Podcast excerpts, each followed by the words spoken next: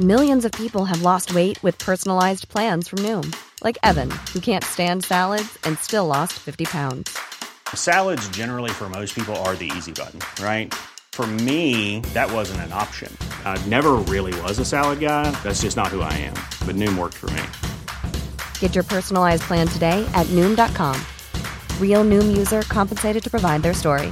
In four weeks, the typical Noom user can expect to lose one to two pounds per week. Individual results may vary.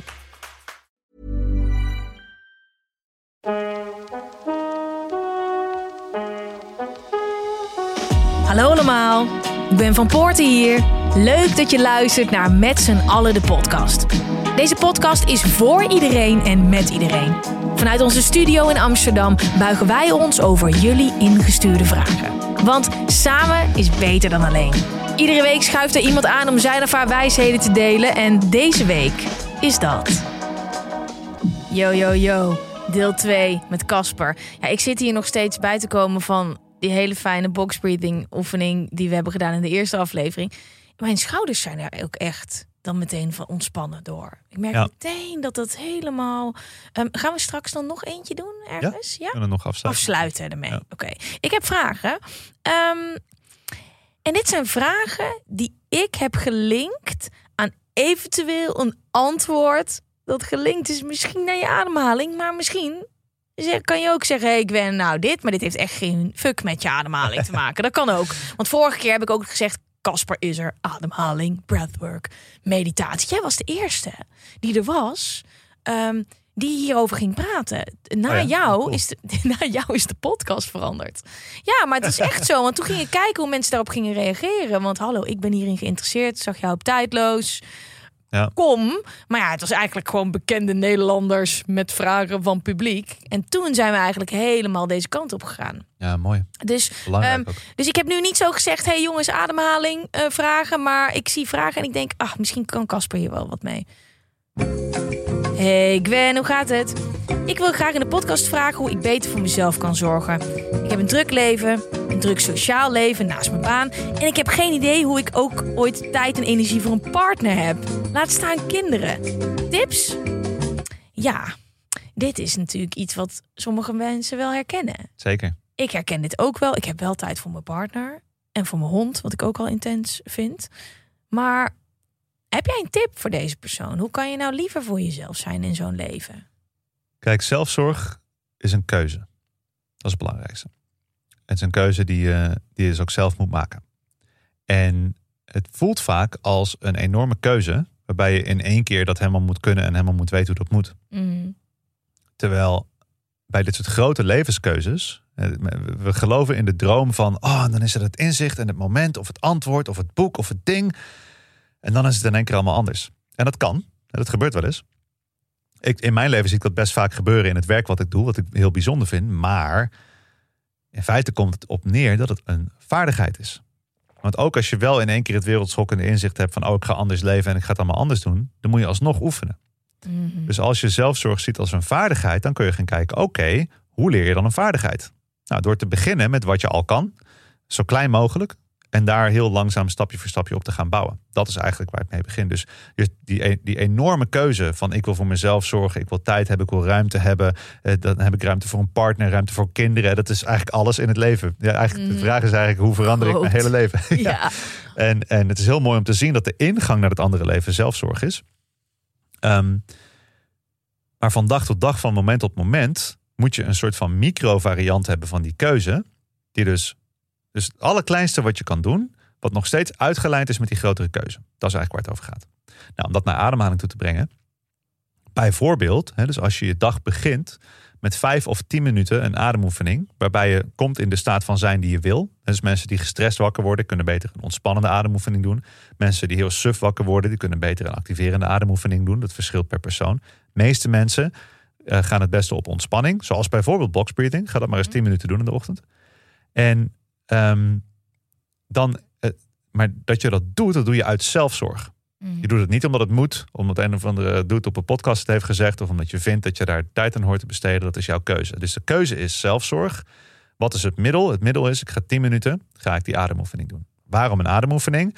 Omdat dat in feite de snelste en meest directe manier is om profijt te er- er- ervaren. Er is niks wat ik kan doen op een podcast van alles wat ik bestudeerd heb en ik heb er overal naar gekeken, waar ik in een podcast binnen drie minuten mensen het resultaat kan laten voelen, zoals met de oefening die we net doen. En het mooie is dat als je eh, wakker wordt met een heel druk hoofd, of je bent eh, al in de chaos van de dag, of je bent nog bezig met wat er gisteren gebeurde, en je doet die ademoefening, dan creëert dat een moment van stilte, een moment van, van stoppen. Dat is het moment dat je jezelf kan herinneren aan wat je wil, aan wat je echt wil.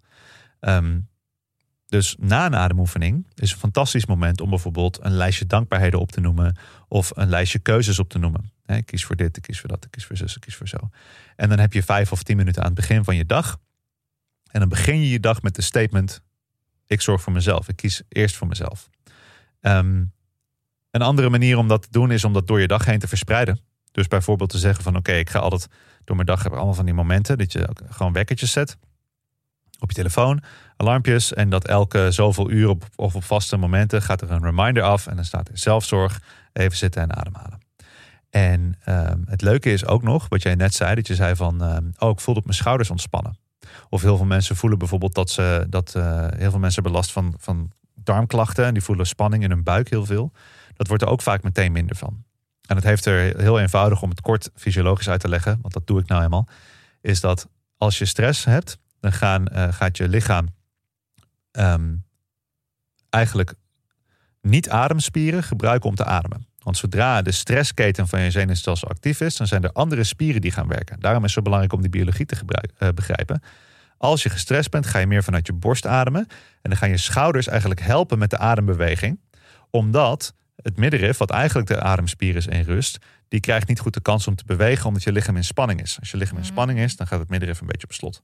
Dus als je gaat zitten en je gaat rustig ademen naar je buik toe en je gaat je middenrif weer gebruiken, dan hoeven die spieren niet meer te werken. Dus in plaats van ook zelfzorg, ik ga een massage nemen, moet je een uur voor uittrekken, kost allemaal geld en iemand gaat dan in je schouders knijpen en die gaat dan hier een probleem oplossen.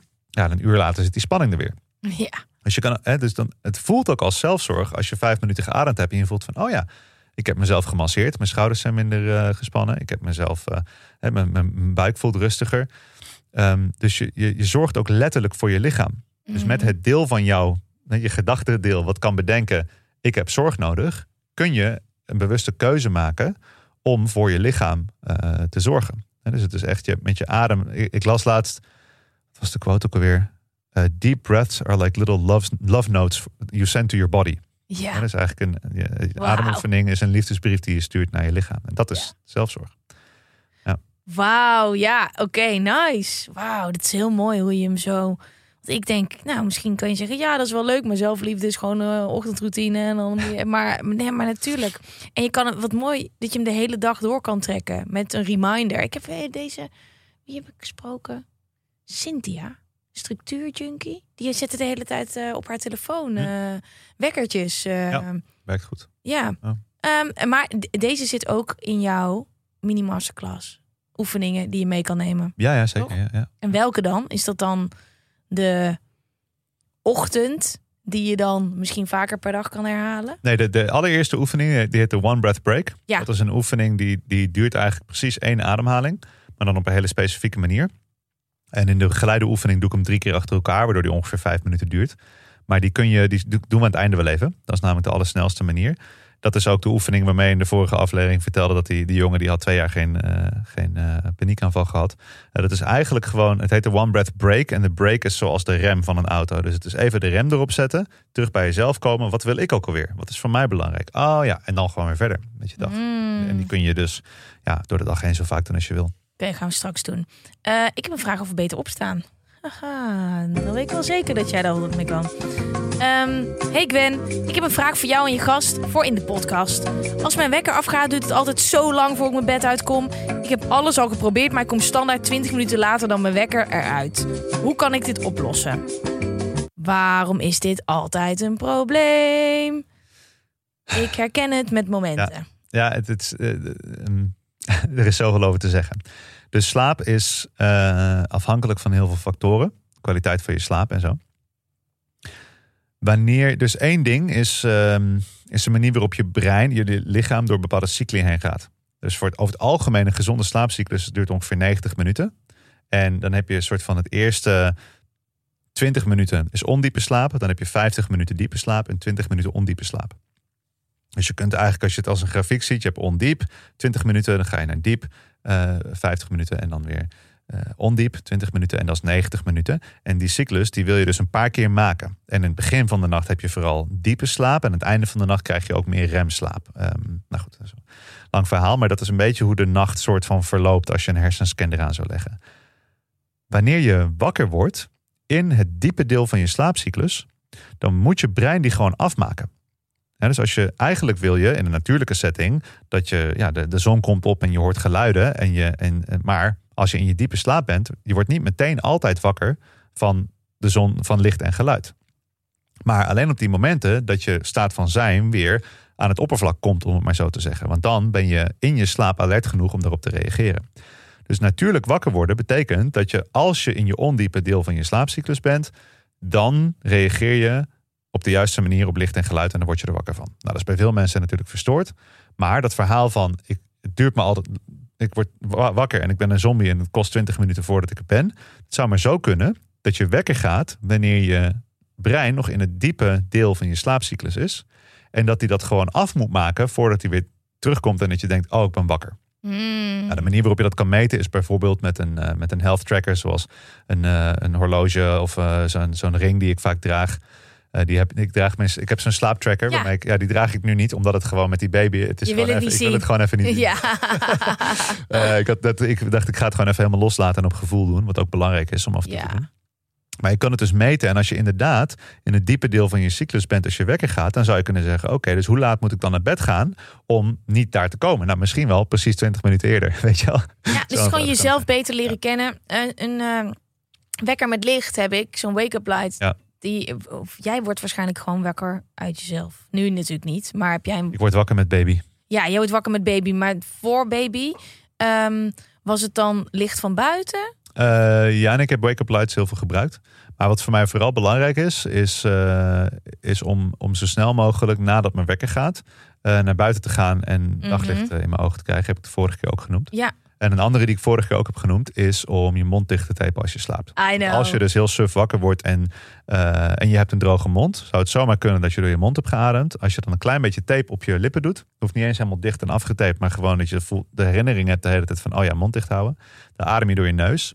Verlies je veel minder vocht, verlies je veel minder energie, neem je meer zuurstof op. En dan kan het maar zo zijn dat je dus veel frisser wakker wordt. Dus dat is er nog eentje. Mm, Als je dan eenmaal zo wakker wordt, is dat is voorkomen. Als je dan eenmaal zo wakker wordt, nou, dan is het zaak om eh, eh, eigenlijk ja, zo direct mogelijk daglicht te zien en water te drinken. Want het daglicht vertelt jou, jouw biologische klok welk deel van de dag het is en welke hormonen vrijgemaakt moeten worden. Eh, water drinken, omdat je, ja, veel mensen worden, worden een soort van eh, dehydrated ehm, wakker, uitgedroogd wakker. En dan, wat een hele mooie manier is om eh, wakker te worden, is om een ademoefening te, eh, oefening te doen die wat actiever is. En eentje die ik, ik zit even te denken wat het makkelijkst is om uit te leggen. Bijvoorbeeld, als je bijvoorbeeld buiten gaat staan, dit is mijn favoriete manier. Ik ga naar beneden, heb vanochtend ook gedaan.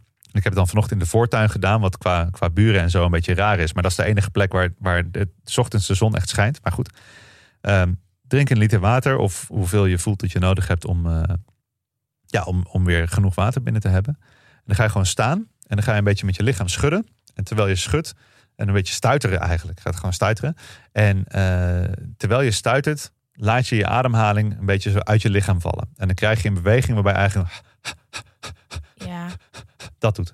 En het is dat, dat stuiteren, eh, dat pulseren, dat maakt je bindweefsel los. En dat kan je zo'n beetje gevoel van runners high geven. Want dat is eigenlijk wat, wat je met rennen ook doet. Is dat je lichaam komt in een soort van compressie en ontspanning. En er zijn allerlei delen van je lichaam die dan gaan stromen. eh, waardoor je energie krijgt. En wat mensen niet weten is dat elk deel van je lijf is afhankelijk van beweging. Allemaal, alles. En de beweging van je ademhaling en van je hart zijn de enige bewegingen die de hele tijd doorgaan. Maar dat is niet genoeg om elk deel van je lichaam in beweging te brengen. Dus het kan gewoon heel goed zijn om even, als je dus gaat schudden, dat elk deel van je lichaam in beweging komt. En dat je daarna merkt dat er heel veel energie op gang komt. En door Dus het is niet, je wil niet. Nee. Maar dat je dus heel, heel natuurlijk soort van de adem uit je laat vallen. En dan merk je dat die vanzelf weer in je komt. Net zoals wanneer je lacht. Hè. Die hoef je niet na te denken over je inademing.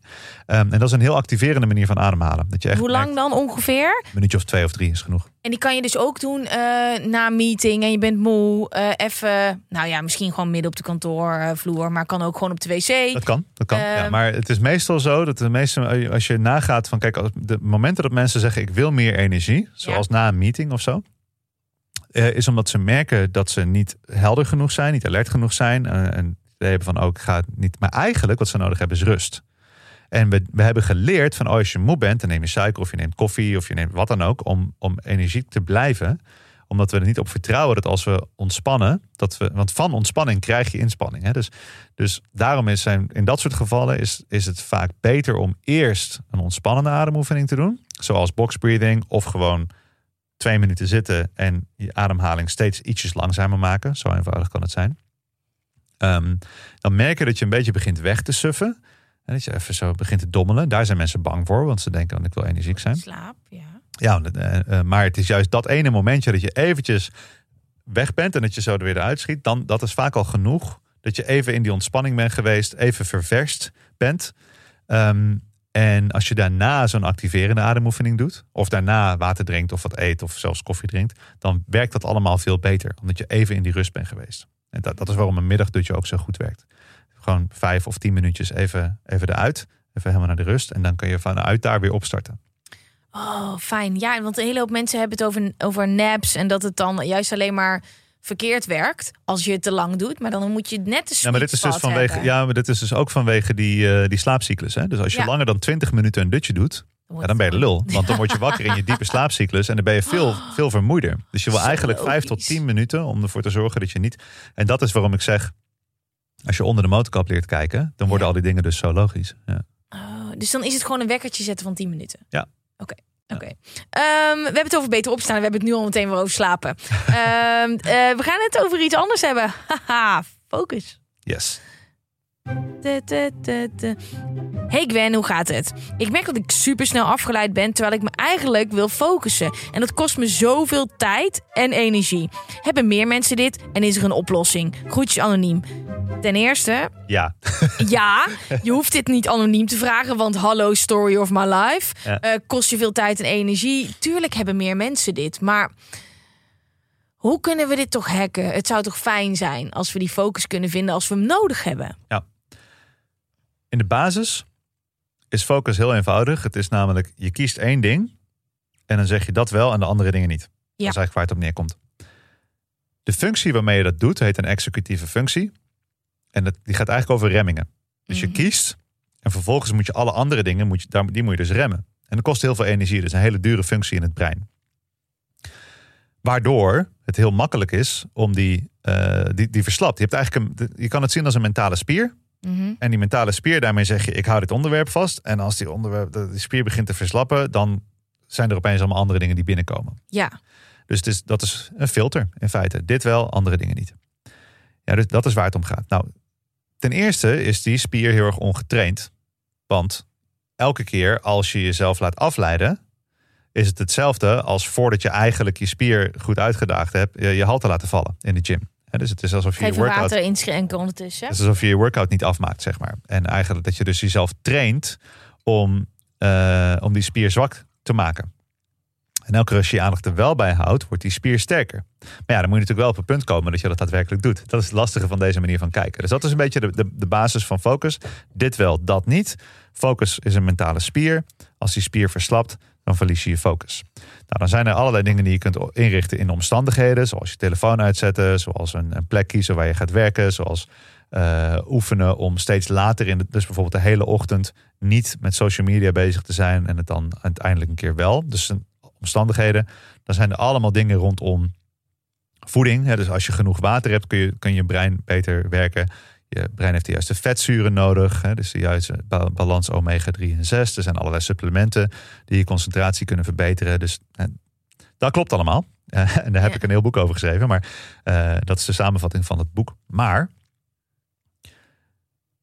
wat ik eerder zei is dat ehm, ik bekijk nu alles vanuit staat van zijn. In welke staat ben je? als je dus in een staat bent van stress, van angst, van bezorgdheid. En je gaat na wat die staat in feite betekent, is evolutionair gezien. Het betekent dat je in zekere zin op je hoede bent. Dus stress, zeker negatieve stress. Negatieve stress zorgt er eigenlijk voor dat je over je schouder wil kijken. Want we hebben dat patroon. En we hebben eigenlijk eh, dat, dat, dat systeem, ik zeggen, dat stresssysteem, om te zorgen dat we veilig zijn. Alles gaat over veiligheid in, in evolutie. Als je veilig bent, dan heb je rust en dan kun je je aandacht heel makkelijk ergens bij houden. Als je niet veilig bent, dan moet je over je schouder kijken. En over je, dus als, als oermens eh, loop je door de jungle en je kijkt over een schouder of er iemand van een andere stam achter je aankomt, of iemand je in de gaten houdt, of er een roofdier aankomt, of er een storm aankomt. In zekere zin is dat wat je doet als je op je telefoon kijkt. Oh, nog even. Oh, die ene. Oh, dit berichtje nog. Heel heb ik daar wel goed op gereageerd. Ja, dus Ja. het is eigenlijk aan de basis. In je, dus je, in- je denkt, ik ben druk en ik ben productief en ik ben goed bezig, maar ik kan me niet focussen. La, la, la, la, la. Maar in je lichaam, wat er eigenlijk gebeurt, is dat je zenuwstelsel in een staat bent die zegt: je bent niet helemaal veilig. Mhm. En, en, maar dat, zo horen we dat niet. We horen er moet nog iets. Maar de laag die onder er moet nog iets ligt, is je bent er niet helemaal veilig. Dat is waarom je s'avonds ook op de bank zit en je denkt toch nog even die mail checken. En dat is niet, oh, het is belangrijk om dat te doen. Nee, het is ergens aan de kern voel je, ik ben niet helemaal veilig. Ja. En als je het zo gaat bekijken, dan kun je denken van oké, hoe zorgen we er dan voor dat ik me wel veilig voel? Nou, je kan je er zelf van overtuigen dat je veilig bent, maar dan zit je weer in je hoofd. Maar veiligheid wordt ervaren in het lichaam. En iedereen heeft daar een, een feilloze radar voor van of je je wel of niet veilig voelt. Dus als je denkt aan rust, denk je vaak aan ontspanning en allemaal dat soort dingen. Maar rust gaat eigenlijk over veiligheid. Want als oermens ga je natuurlijk pas rusten als je veilig bent. Ja, wanneer ben je veilig? Ja, als je je onderkomen gebouwd hebt, als je grot veilig is, als je kinderen en je mensen bij je zijn. Dus dat gevoel van veiligheid, dat is een staat van je zenuwstelsel. En die, je zenuwstelsel is eigenlijk je onderbewuste. Dat is de automatische piloot. Daar heb je helemaal geen invloed op. Je kunt helemaal niet bepalen of je zenuwstelsel zegt je bent veilig of niet. Maar, tromgeroffel, het leuke is dat de staat van je zenuwstelsel die hangt samen met je staat van je ademhaling. Dus als mensen last hebben, veel stress hebben in hun schouders en met hun schouders ademen, dan, dan zie ik meteen, oké, dus die persoon leeft een leven waarin het signaal niet veilig de hele tijd aanwezig is. En daardoor heb je de hele tijd dat panzer aan. Ehm, nou, er zijn een aantal eh, manieren waarop je naar die kant van je zenuwstelsel kunt gaan om eh, waar je je veilig voelt. Dus even voor de duidelijkheid: de stresskant, de actiekant, de je bent niet veilig kant, er moet nog iets gebeuren kant, die heet sympathisch zenuwstelsel. Dat is een bepaalde keten. En de andere kant heet het parasympathisch zenuwstelsel voor de mensen die het willen weten of willen verder onderzoeken. Parasympathisch zenuwstelsel, als die actief is, dan kun je je organen verteren, je, je immuunsysteem kan goed gaan verwerken, je lichaam kan zich verversen, Ehm, je kunt je intiem verbinden met een ander. Dus je bent sociaal, sociaal verbonden is een heel belangrijk deel daarvan, omdat je je veilig voelt. Dus wat zijn de snelste manieren om dat deel van je zenuwstelsel te activeren? Nou, de eerste is je sociaal veilig voelen. Dus gewoon een knuffel geven of een knuffel ontvangen van iemand waarbij je je veilig voelt en in één keer, ah, maakt niet uit wat er gebeurt, als die ene persoon bij je is, voel je je veilig. Dat weten we. Maar goed, dat is niet altijd zo. En bovendien is dus ook sociaal, de sociale prikkels, zijn de dingen die ons het meest onveilig kunnen voelen. En helemaal als je door een scherm toegang hebt tot duizenden beren, tijgers en stormen en ziektes, bij wijze van spreken. hè, Dus oh, die doet dat. Ik wil dat eigenlijk ook. Ik moet daar eigenlijk zijn. Ik heb dit Exactly. gemist. Ja. Oh ja. Dat is precies dat. Dus het is de hele tijd inchecken. Hoe, hoe, hoe, hoe verhoud ik mij tot de rest van de mensen? Nou, als je in een stam woont van 100 mensen, is dat niet zoveel heel veel werk. En is het heel gezond gedrag. Maar als je via je telefoon een stam hebt van een miljoen mensen, ja, dan is het een stuk spannender. Dus die sociale prikkels. Eh, iemand moet nog wat van me. Of eh, ik weet niet hoe het met die ander gaat. Of dat soort dingen. Ehm, ben ik wel goed genoeg? Ben ik wel veilig? Wat is mijn status? Die geeft ons de hele tijd dat gevoel Mhm. van ik ben er nog niet, het moet nog iets, ik moet nog wat doen om goed genoeg te zijn, om klaar te zijn, om ah, dat. Ja. Nou, dan eh, er is een hele belangrijke onderzoeker die heet Stephen Porges en die over het zenuwstelsel en veiligheid. Ehm, die is heel invloedrijk en eh, die als werd hem een keer gevraagd op een podcast van wat is nou de snelste manier om weer in die veilige kant te komen. En toen zei hij van eh, ga eh, saxofoon spelen of in een koor zingen. Dus eigenlijk leer om je uitademing heel erg bewust te vertragen. Dat is eigenlijk waar het over gaat. De snelste manier om je lichaam een gevoel van veiligheid te geven, is via ademfuncties. En de belangrijkste ademfunctie erin is het sturen van je uitademing.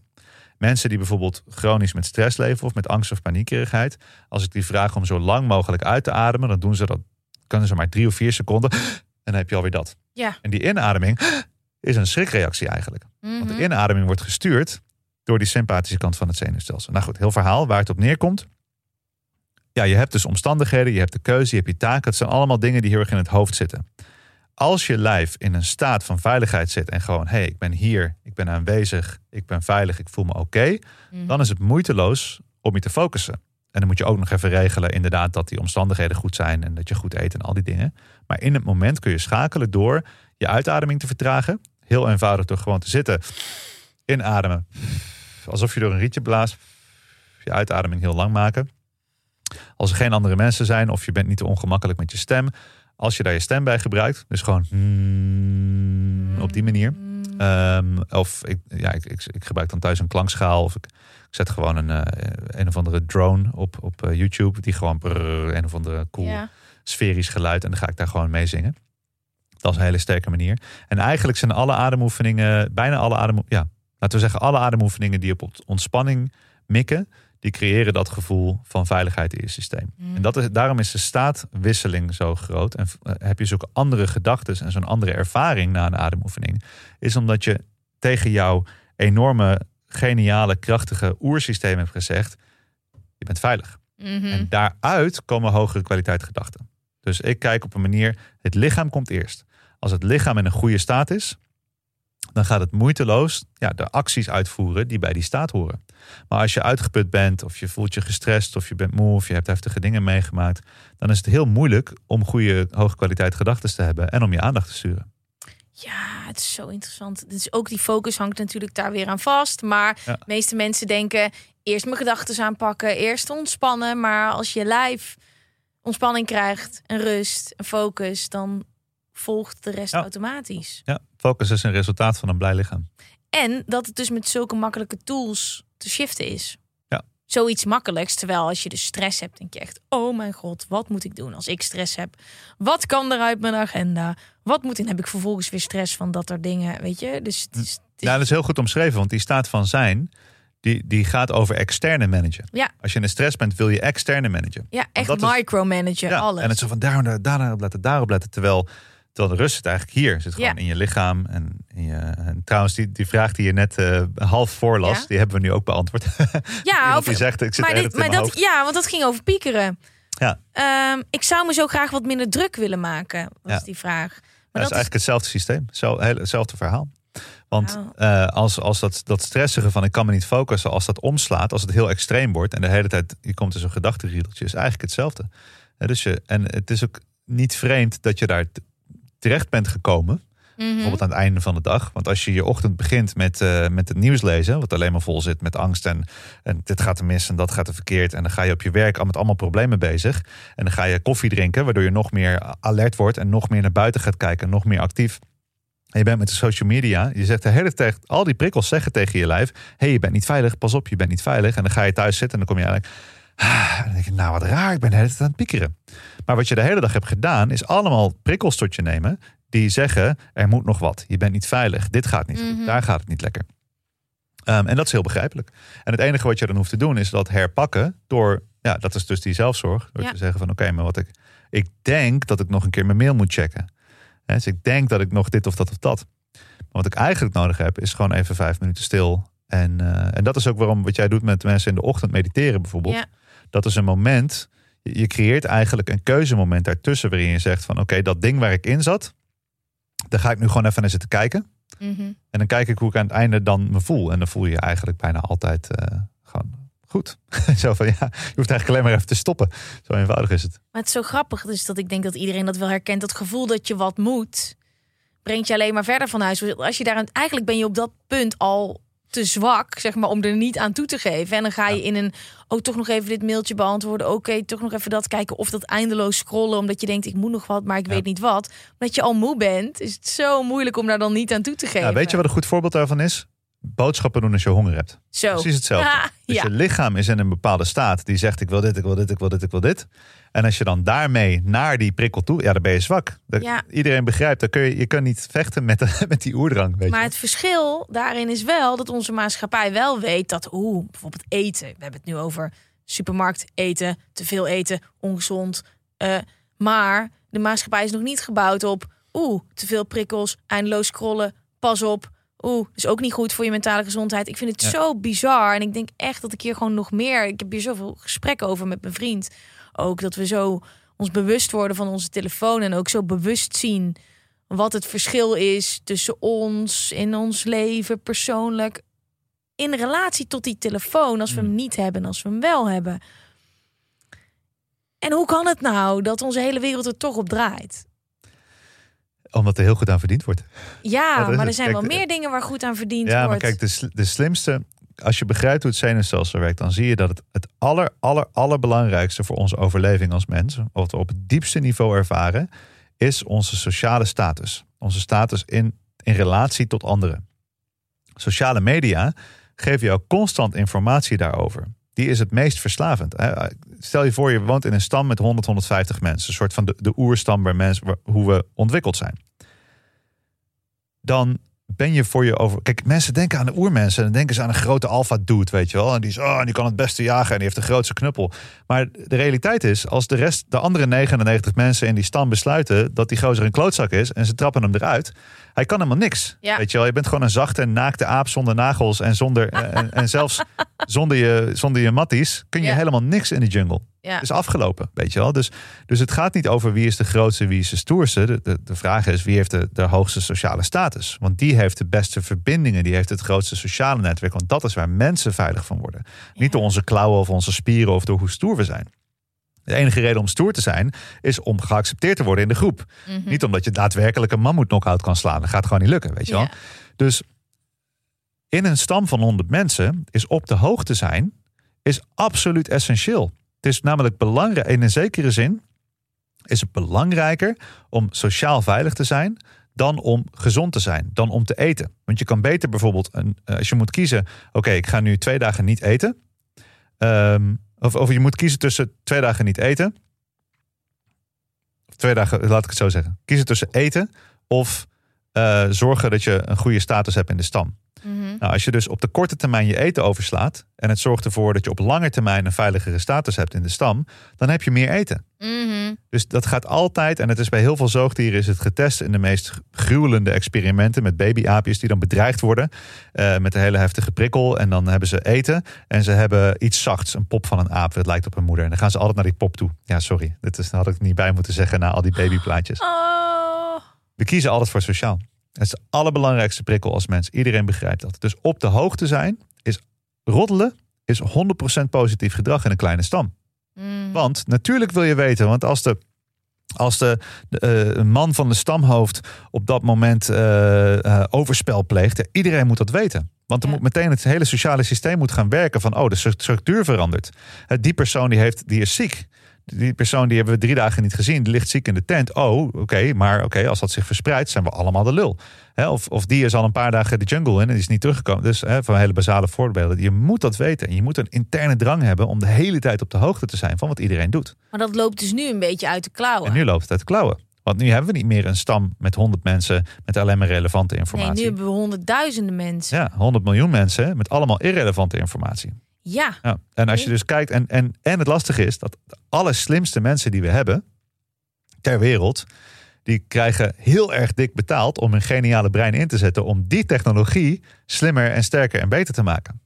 Ja. Dus ja, hoe, ja weet je wel, dat is, het is niet. En ja, je kan zeggen van ja, maar we willen dit als consument en we willen. Nee, het heeft allemaal op. positieve kanten. Ik weet zeker dat ik hoor steeds meer geluiden en steeds meer mensen bieden ook een tegengeluid. Ik, zoveel mensen hebben, nou ja, als ik wel eens vraag, eh, wie heeft er wel eens last van zijn telefoon? Bijna iedereen heeft wel eens last van zijn telefoon. Dus Ja. er is ook echt een groep mensen die zegt, nou, ik denk, ik schat een derde in of zo. Die zeggen, ik ben, ah, ik weet niet waar je het over hebt, ook een beetje jongere mensen Ja. nog. eh, het gaat altijd goed, dan doe je hem toch gewoon uit. Die mensen, zeg maar. Ja. Ehm, Er zijn zoveel mensen die echt wel merken dat ze zeker na die hele co- coronaperiode.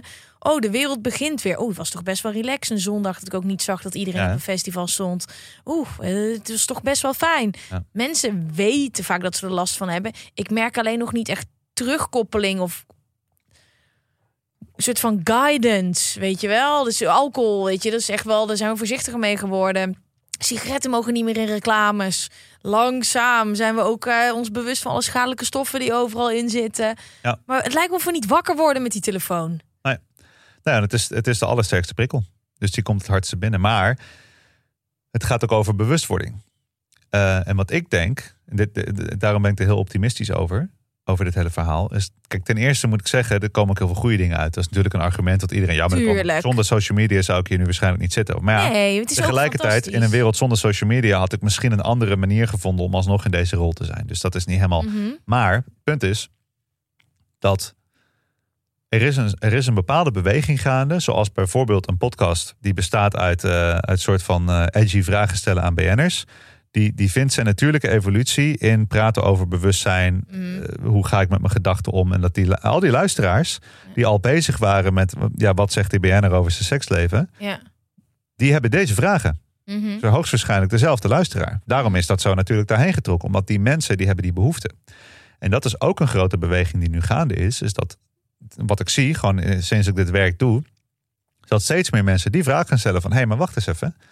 Eh, Waar, hè, hoezo? Hoezo is dat niet geregeld? En bijvoorbeeld van dat er vanuit de overheid en vanuit de reclame... een soort van heel erg anti die sigaretten is geworden.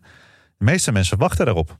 En die Mhm. wachten totdat iemand gaat zeggen dat hetzelfde gaat doen met de media. Dat er in de kranten een hele grote rode ding staat. Pas op, het lezen van de krant kan ernstige depressieve en paranoia gedachten veroorzaken. Want dat is Ja. wat er is. Ja. En dat als je je telefoon opent, dat, is, hè, dat, dat er... Pas op zelfbeeld, eh, jaloezie, stress, Ja. eh, onrust. eh. Net zoals de foto's van iemand die een halve been eraf heeft om, op, op een pakje sigaretten, weet je wel. Van die heftige dingen en zo. Dat mensen wachten erop tot dat gaat gebeuren. Mhm. De Daar vraag hoef je is, dus niet op te wachten. nee, de vraag is of dat ooit gaat gebeuren. Ja. Want het is nou eenmaal zo. Kijk, en dat is. eh, eh, Sommige mensen vinden dat een paranoia complotmanier van denken. Maar het, het is gewoon zo dat, dat het, alle, het allermeeste geld van de wereld op dit moment wordt verdiend aan mensen die op een scherm kijken. Dat Maar is dat gewoon. is niet complotdenken, dat is maar- gewoon recht waar. Ja, maar het gaat erom, machtige mensen profiteren ervan. Ja, That's it. ja, het is, ja, het is gewoon zo interessant dat. Kijk, ik- ben nog net van de generatie die nog net, zeg maar. Ja.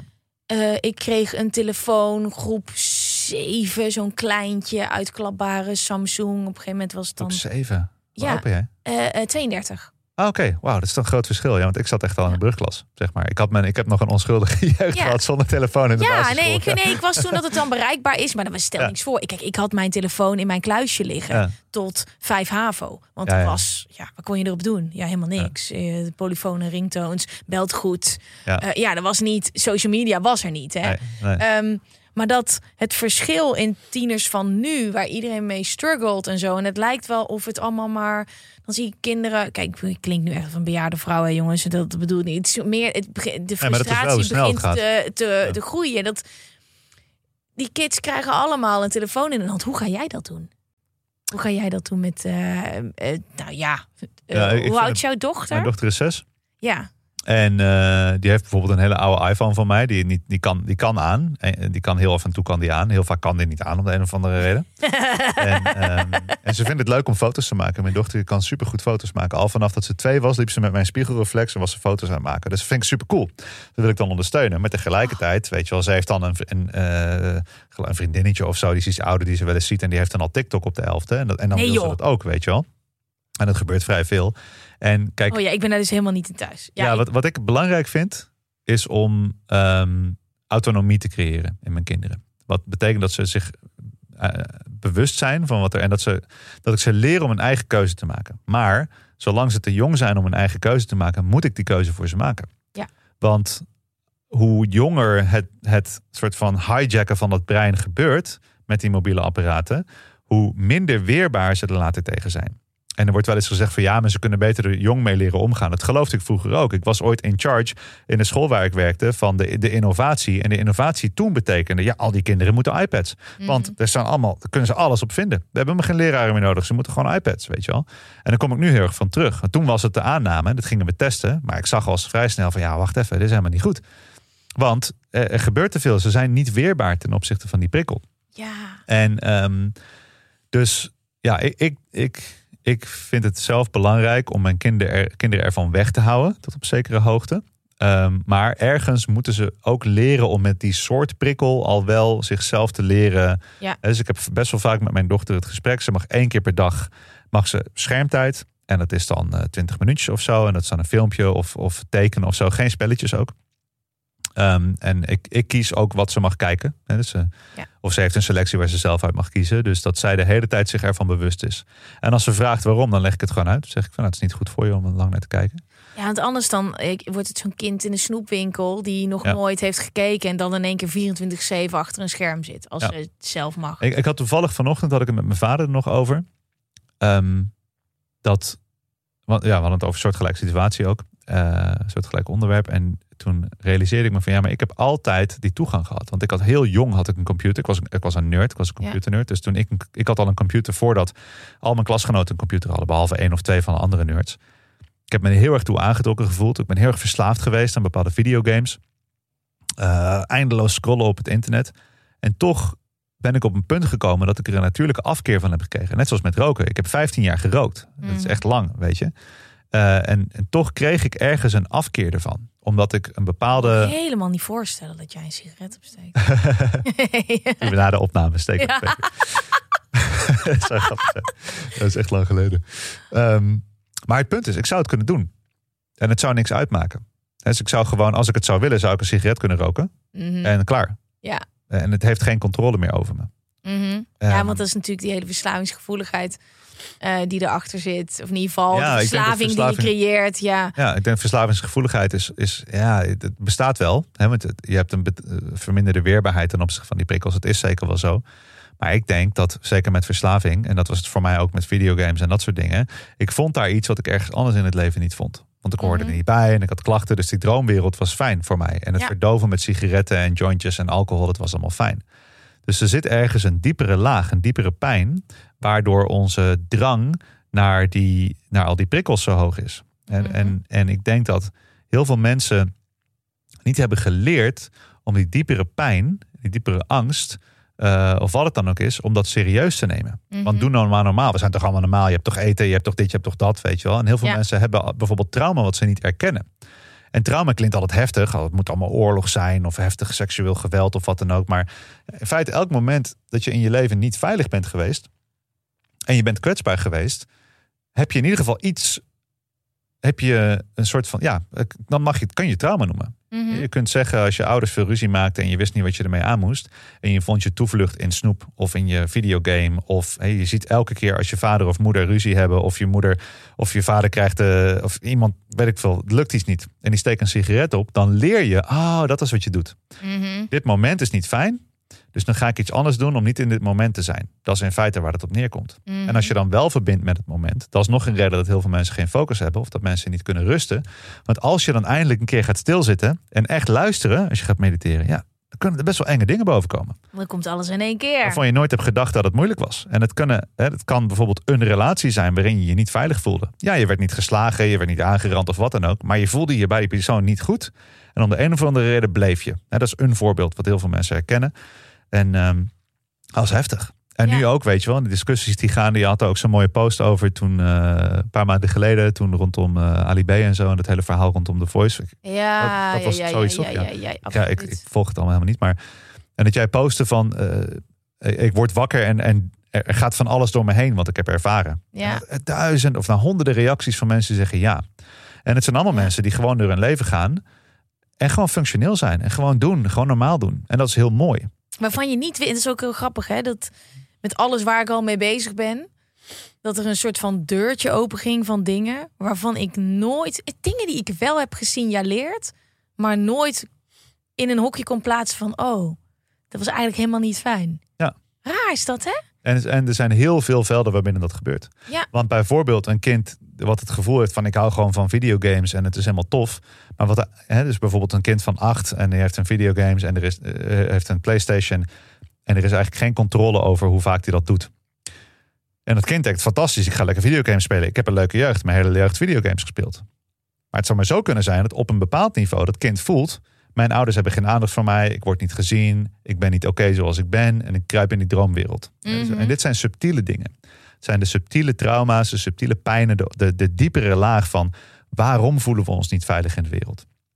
Ja, we leven nou eenmaal in een, in een maatschappij die heel veel van dit soort dingen creëert. Ik was toevallig, eh, mijn dochter die vroeg van, ja, hoe was het dan bij jou op school? En ik begon uit te leggen. En ik, dacht, oké, ik moet hier even voor gaan zitten. dat echt, ik weet nog heel goed dat ik een keer, ik weet niet eens meer wat ik had uitgevroten, maar dat die leraar, ik zie zijn kop nog voor me, dat hij tegenover me zat en dat hij zei van, bedenk je nou echt dat jongetjes zoals jij laten vrienden krijgen als je zo doet? Nee. Denk je dat er iets... En hoe haal je het in je fucking hoofd om dat tegen een kind te zeggen? En, en het zijn dit soort dingen. En dat geval ook... Al die vrouwen die altijd hebben gehoord... Ja, maar waar liep je dan? Ja, dan moet je daar niet lopen op straat. Dan moet Ja. je dat niet aandoen. Moet je iets anders uittrekken. En ja. dus er is ook iets gaande van dat mensen zich beginnen in te zien. Hè, wat jij eigenlijk ook aangeeft wat in de podcast gebeurt. Is wakker worden op de, naar een bepaalde realiteit. Van hé, hey, wacht even. Er zijn best wel wat dingen gebeurd die niet oké waren. Mhm. En ik heb de hele tijd gehoord van doe maar normaal. En eh, ga maar gewoon door of het ligt aan jezelf. Ja. Dus, en het, het is mooi dat we het hierover hebben. Want ik denk dat de, de stap die je dan maakt... is verantwoordelijkheid te nemen over je leven. En dit is de essentiële stap om te maken. En die is verschrikkelijk moeilijk. En dan, dan stap je ook een pad op wat echt lastig is. Want dan gaat het niet meer erover van... ja, maar eh, op het nieuws zeiden ze dit. Ja, maar de reclame zei dat Ja. het oké was. Ja, maar op de telefoon zit geen waarschuwing. Ja, maar op Ja. de sigaretten Ja, vroeger... de dokter raadde het aan, weet je wel. Dat je altijd kunt zeggen, ja, maar hun. Een verantwoordelijkheid nemen over je leven... is de ultieme stap naar vrijheid. En naar het leven wat je echt wil. Maar ja, daarvoor moet je dus wel gaan kijken naar jezelf. Nou, wat voelt er van mij niet goed? Wat is mijn waarheid? Wat is er in mijn leven gebeurd waar ik nog pijn van heb? Hoe ga ik met anderen om? Het, Dat is best wel lastig. Dat, Ja. is, dat is geen leuk, zeg maar, het is niet een leuk proces. En het is ook niet zo zwart-wit. En als ik begin te ranten over je telefoon. Je telefoon is natuurlijk fantastisch. En er zijn zo van, nou, we hebben het over jouw eh, mini-masterclass, de club, de podcast. Het zijn natuurlijk allemaal mooie initiatieven waar je over kan leren. Maar als je wel weet hoe je zelf in elkaar zit en weet wat ook niet voor jou werkt, waardoor je zeg maar die schakel kan, eruit kan knippen, waardoor je niet de hele avond op de telefoon zit, waardoor je weer de hele nacht wakker ligt en vervolgens slecht opstaat, dat je gewoon wat meer die tools krijgt. In plaats van alleen maar, het is allemaal maar normaal. We zien om ons heen dat iedereen het doet. Precies. Iedereen doet het. Iedereen vindt het oké. Ja, en dat is het eh, ding van rook jij de sigaret of rookt de sigaret jou? Ja. Wie maakt de keuze? Als ik nu een sigaret zou roken, wat eh, nou, iedereen helemaal eh, outrageous zou vinden natuurlijk, maar dan zou ik, dan kies ik dat. Ja. Dat is een heel ander ding. En dat is net zoals met, eh, ja, dat is voor mij ook echt een struggle hoor, met die telefoon. Want ja, ik ben bezig met, het is werk ook voor mij. Ja, ik vind het Eh, ook echt En dan denk ik, ja, maar ik ben voor mijn werk bezig. En twee uur later denk ik van, ja, dat zijn wel genoeg kattenfilmpjes voor mijn werk. Ja, maar het is die. Oh, maar het is die, die, die. Ja, ik vind het dus ook leuk. Het is bij mij is er heel veel veranderd. Want mijn eigen social media is veel minder actief geworden. Dus dat hele. Hmm. Omdat ik bezig ben met, met de club, met de podcast. En als ik dan eenmaal ga. Bijvoorbeeld gisteren tijdens het koken. En dan, dan wil, ben ik iets aan het posten. En dan ben ik gewoon uren bezig met het inspreken, het lezen, het dit. Want het is Ja. ook allemaal zo leuk. Het is ook allemaal zo leuk. Maar je weet het. En vervolgens heb ik dus de hele nacht slecht geslapen. Doordat ik de hele avond mee bezig ben. Ja. En heb ik vandaag minder energie. Maar het is allemaal jezelf beter leren kennen. En ook weten dat, nou ja, wat jij zegt, zelf verantwoordelijkheid nemen. Ja. Dus het is, en ik heb echt ook het gevoel dat steeds meer mensen dat gaan doen. Omdat ze ook dankzij social media steeds min, meer scheid krijgen aan... oké, er zijn ook heel veel mensen die dus ook wel af en toe op zondag offline gaan. Zeker. En, en social media is een middel. Mhm. En En als je kiest hoe je dat middel gebruikt, dan kan het je aan alle kanten alleen maar helpen. Ja, En kijk, het is inderdaad, de, de essentie is verantwoordelijkheid voor je leven nemen.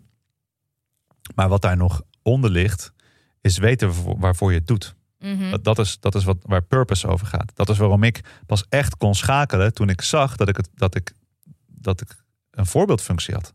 Ja. En niet zo van, oh, ik schaam me voor wie ik ben en dan moet ik anders gaan zijn wat die kinderen zien. Maar zo van, nee, ik kan hun inspireren. ja. En eh, toen werd het groter voor mij. Dus dat het, het weten waarvoor je hier op aarde bent. Het Mhm. gevoel hebben van hé, hey, ik, ik loop mijn eigen pad. ehm, dat maakt het de moeite waard om die moeilijke, pijnlijke dingen te doen van het verantwoordelijkheid nemen. Mhm. En wat natuurlijk ons heel erg verkocht is, is, is gemak. En je kan alles krijgen zoals je wil. Kijk maar op social media. Zij hebben het. Het enige wat je hoeft te doen is dit product kopen en dan krijg je het ook. En het is het, het hele verhaal, de droom. Ja. Ja, luister maar naar je leraar en dan krijg je die carrière en dan krijg je dat ding. En, en nu zijn er steeds meer mensen, dus alle mensen die bijvoorbeeld opeens in een burn-out raken.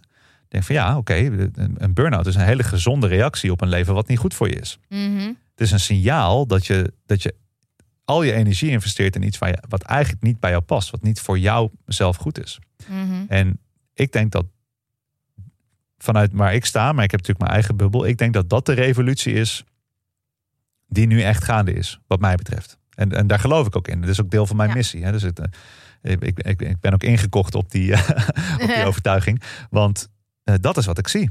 Ik zie overal mensen die niet zeggen: Oh, mijn leven heeft, eh, is zo leuk en het is allemaal gemakkelijk. Nee, in mijn werk kom ik honderden, duizenden mensen tegen over de jaren die zeggen: van ja, ik liep tegen de lamp. Dat was niet goed. Ja, burn-out of moeilijk of ongelukkig of scheiding, relatie, wat het dan ook is. En opeens realiseerde ik me dat ik zelf controle kan nemen over mijn leven. Ja. En dat ik eh, dat kan toewijden aan iets wat groter is dan mijzelf. Ik kan het gaan doen voor de kids of voor de natuur of voor een betere wereld. En die dan elke dag het moeilijke werk doen. Van zichzelf in de spiegel aankijken. Wat wil ik nou echt? Wie ben ik? Wat is voor mij belangrijk? En wat kan ik doen om beter te leven? Als je meer energie wil hebben, meer focus. eh, maar je doet werk waar je niet in gelooft. Als je werkt voor een bedrijf waarvan je gewoon, ja, ik werk in dat bedrijf, maar het maakt me helemaal niks uit wat dat bedrijf doet. Ze doen helemaal niet iets wat ik belangrijk vind. Ja, dan, dan, dan is het ook heel moeilijk om je beste te geven. Je Mhm. focus, je aandacht, je energie. En dit is waarom voor mij het grappige is, dit is waar ik eigenlijk mee bezig ben. In mijn gevoel. Hè. Je vroeg al in de vorige aflevering van ja, wat doe je? Ik zeg ja, ik ben een leraar. Maar waar het uiteindelijk neerkomt is, ik heb het idee dat de wereld naar een betere plek kan gaan bewegen. En ik heb het idee dat wat ik nu doe, dat dat mijn beste bijdrage is aan dat. En wat jij doet met de podcast en, en zeker met al je nieuwe programma's en zo, dat is jouw beste bijdrage. En het enige wat we hoeven te doen, is allemaal onze beste bijdrage leveren, ons in dienst stellen van wat we geloven dat goed is, bij onze eigen kernwaarden blijven. En, en dan wordt het leven opeens heel erg spannend en interessant. En dan wordt het makkelijk om een telefoon weg te leggen en te zeggen van ja, dat is niet meer interessant vergeleken met waar ik voor sta en wat ik echt wil in mijn leven. Nou, en om het terug te brengen is, dat is wat ik eigenlijk doe. En toen ben ik gaan onderzoeken, oké, maar wat is nou, wat kan je mensen geven Mhm. daarin? Wat is nou de, de allersnelste, makkelijkste, meest directe, meest beschikbare manier om uiteindelijk dat hele ding te doen? Mhm. Te- nou, dat moet dus de meest, het meest basale zijn wat we doen. En dat is ademhaling. Ja. Dat is de reden waarom ik me zo op ademhaling ben gaan focussen. Niet eens omdat ik me daar meer in interesseer dan in alle andere onderwerpen. Want ik ben echt zo, ik vind alles ja, leuk. precies. Ja. En ik dacht van ja, dit is het. Die ene gozer, die luistert een kwartier naar mijn gelul. Die gaat die oefening doen. Die heeft twee jaar geen paniekaanvallen. Mhm. Iemand die, twee, die van drie keer per week een paniekaanval naar geen paniekaanvallen gaat. Hoe anders is die als vader? Hoe anders is die als, als, als, eh, als geliefde? Weet je, als kind? Als, hoe anders staat hij in het leven? Hoe anders kijkt hij naar de buschauffeur die vervolgens zich weer beter voelt? En eh, daar geloof ik in. En dat Ja. is waar het uiteindelijk om gaat. En dit is dan een voorbeeld. En ik, ben, ik voel me super gezegend dat ik in mijn werk honderden voorbeelden van dit soort. Het is dat ene dominootje net de andere kant op tikken. Ja. Eh, maar het gaat wel over bewustzijn. En dat zo iemand als jij, je bent heel succesvol op social media. En heel veel mensen zien jou op social media en denken van, oh, dat is wat ik wil. En, en het- de manier waarop jij je daar eerlijk en kwetsbaar over uit, dat is, dat is zo belangrijk. Dat is echt die rolmodelfunctie. Dat vind ik zo mooi waar Giel mee bezig is. Iemand, iedereen kijkt naar hem. En als iedereen naar je kijkt, dan, heb je, dan wil je eigenlijk iets laten zien wat iedereen wil zien. Ja. En, maar, ja, en dan real shit laten zien, Mhm. dat is echt moedig. Dat zijn de helden van deze tijd. De mensen die publiek hebben en zeggen van... hé, hey, kijk, eh, ik vind het ook moeilijk en eng en spannend. Mhm. Ja. Het is al lang niet meer gewoon zo. Kijk, mooie foto naast een palmboom met mijn Gucci-tas. Dat is al, dat is al lang niet meer. Dat zijn dus heel, dat is een hele mooie ontwikkeling. Ja. Ehm, wij zitten. Oh my god, we zijn al zo lang aan het kletsen. Ik hoop dat er niemand aan het wachten is dat er nu. Nou, oh my god. Mijn oppas, mijn oppas straks wel. Kunnen wij nog even snel een oefening doen? Dit Ja, is de allerlaatste van het ja. seizoen. Wa- wat is hier gebeurd? Ja, sorry. Nee, het is heel leuk, maar het is, ik zit helemaal te verdwalen in, eh, in, in het gesprek. En het is ook de allerlaatste. Casper, dit is de laatste van seizoen 5. Dus we gaan hem gewoon zo afsluiten. Ik had me geen betere gast en ook geen betere manier kunnen bedenken om deze af te sluiten. Ja, ja het is... eh, heb vaak het probleem dat podcasts te kort zijn. De mensen die mij kennen, die zeggen gewoon Kasper, hou je mond. En, eh, maar dit is ook goed. Nee, dit is, dit, nee, dit is goed zo. Dit wil ik niet missen. Wat gaan we doen? We gaan een oefening doen, dat is de One Breath Break. Hele eenvoudige oefening. We gaan zo meteen eh, helemaal inademen. Zonder een specifiek ritme, gewoon lekker diep in. Dan hou je hem even vast. Dan hou je dat drie tot vijf seconden vast. En dan laat je hem los in totale ontspanning. Aan het einde van die uitademing hou je hem gewoon uit. Totdat je een duidelijke behoefte voelt om te ademen. En dan kom je terug bij een normale ademhaling. En dat doen we in totaal doen we hem drie keer, maar je kunt me gewoon volgen. Dus adem in door je neus. Helemaal vol. Hou hem even vast. Voel je een beetje de druk in je longen. En 3, 2, 1. Laat je los. Aan het einde van je adem, waar die van nature stopt, daar wacht je gewoon. En als je dan een duidelijke behoefte voelt om te ademen, kom je weer terug bij je gewone ademhaling.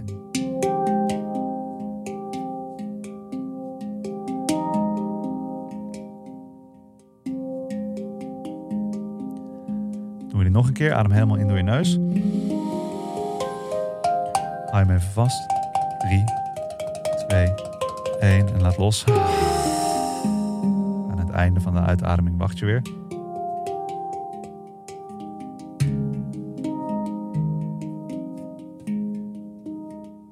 Doen we hem zo meteen nog één keer. Dan gaan we nu elk onderdeel van die ademhaling gaan we verlengen, overdrijven. Dus iets meer inademen, langer vasthouden. Nog overdrevener met ontspanning uitademen, ah, met een zucht.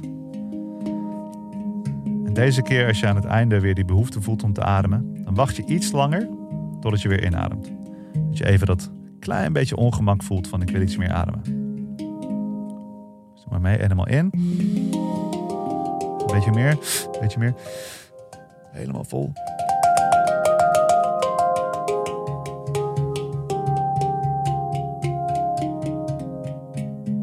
los. Aan het einde hou je hem weer vast. En als je nu de behoefte voelt om te ademen, wacht je nog drie seconden dat je even het ongemak voelt. Dan kom je terug bij een normale ademhaling.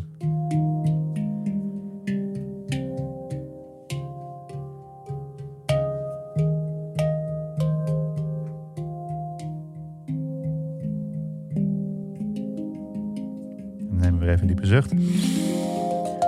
Los. Dat was hem. Oh mijn god, goedemorgen.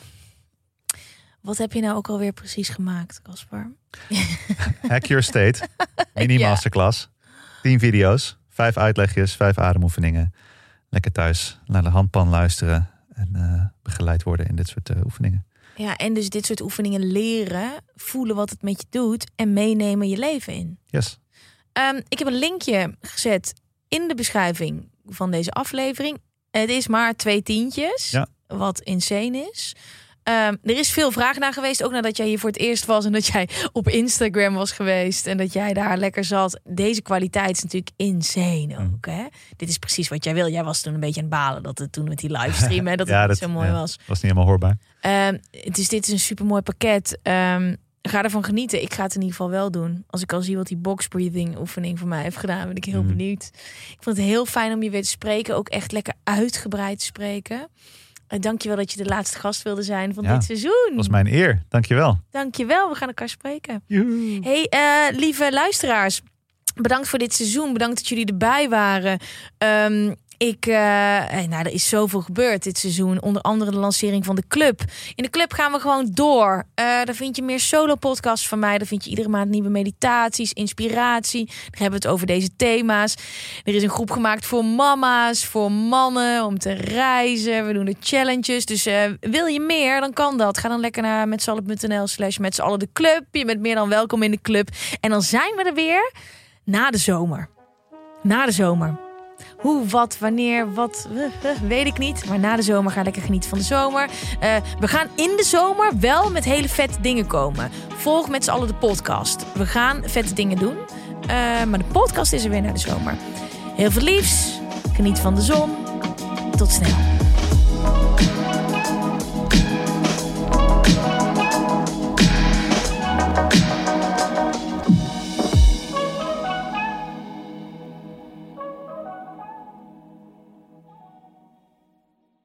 Heb jij vragen of klachten over een van onze podcasts? Daar hebben we geen mailadres voor. Wil je adverteren in podcasts van Tony Media en staan waarvoorheen Coca-Cola en Google stonden? Mail dan naar adverteren@tonymedia.nl.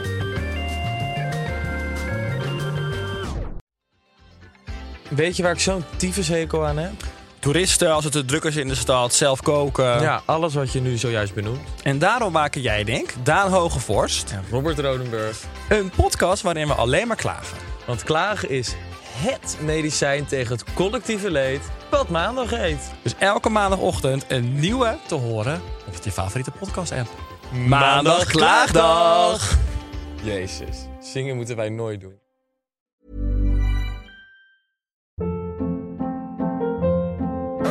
Hold up. What was that? Boring. No flavor. That was as bad as those leftovers you ate all week. Kiki Palmer here, and it's time to say hello to something fresh and guilt-free. Hello Fresh. Jazz up dinner with pecan-crusted chicken or garlic butter shrimp scampi. Now that's music to my mouth. Hello Fresh. Let's get this dinner party started. Discover all the delicious possibilities at hellofresh.com.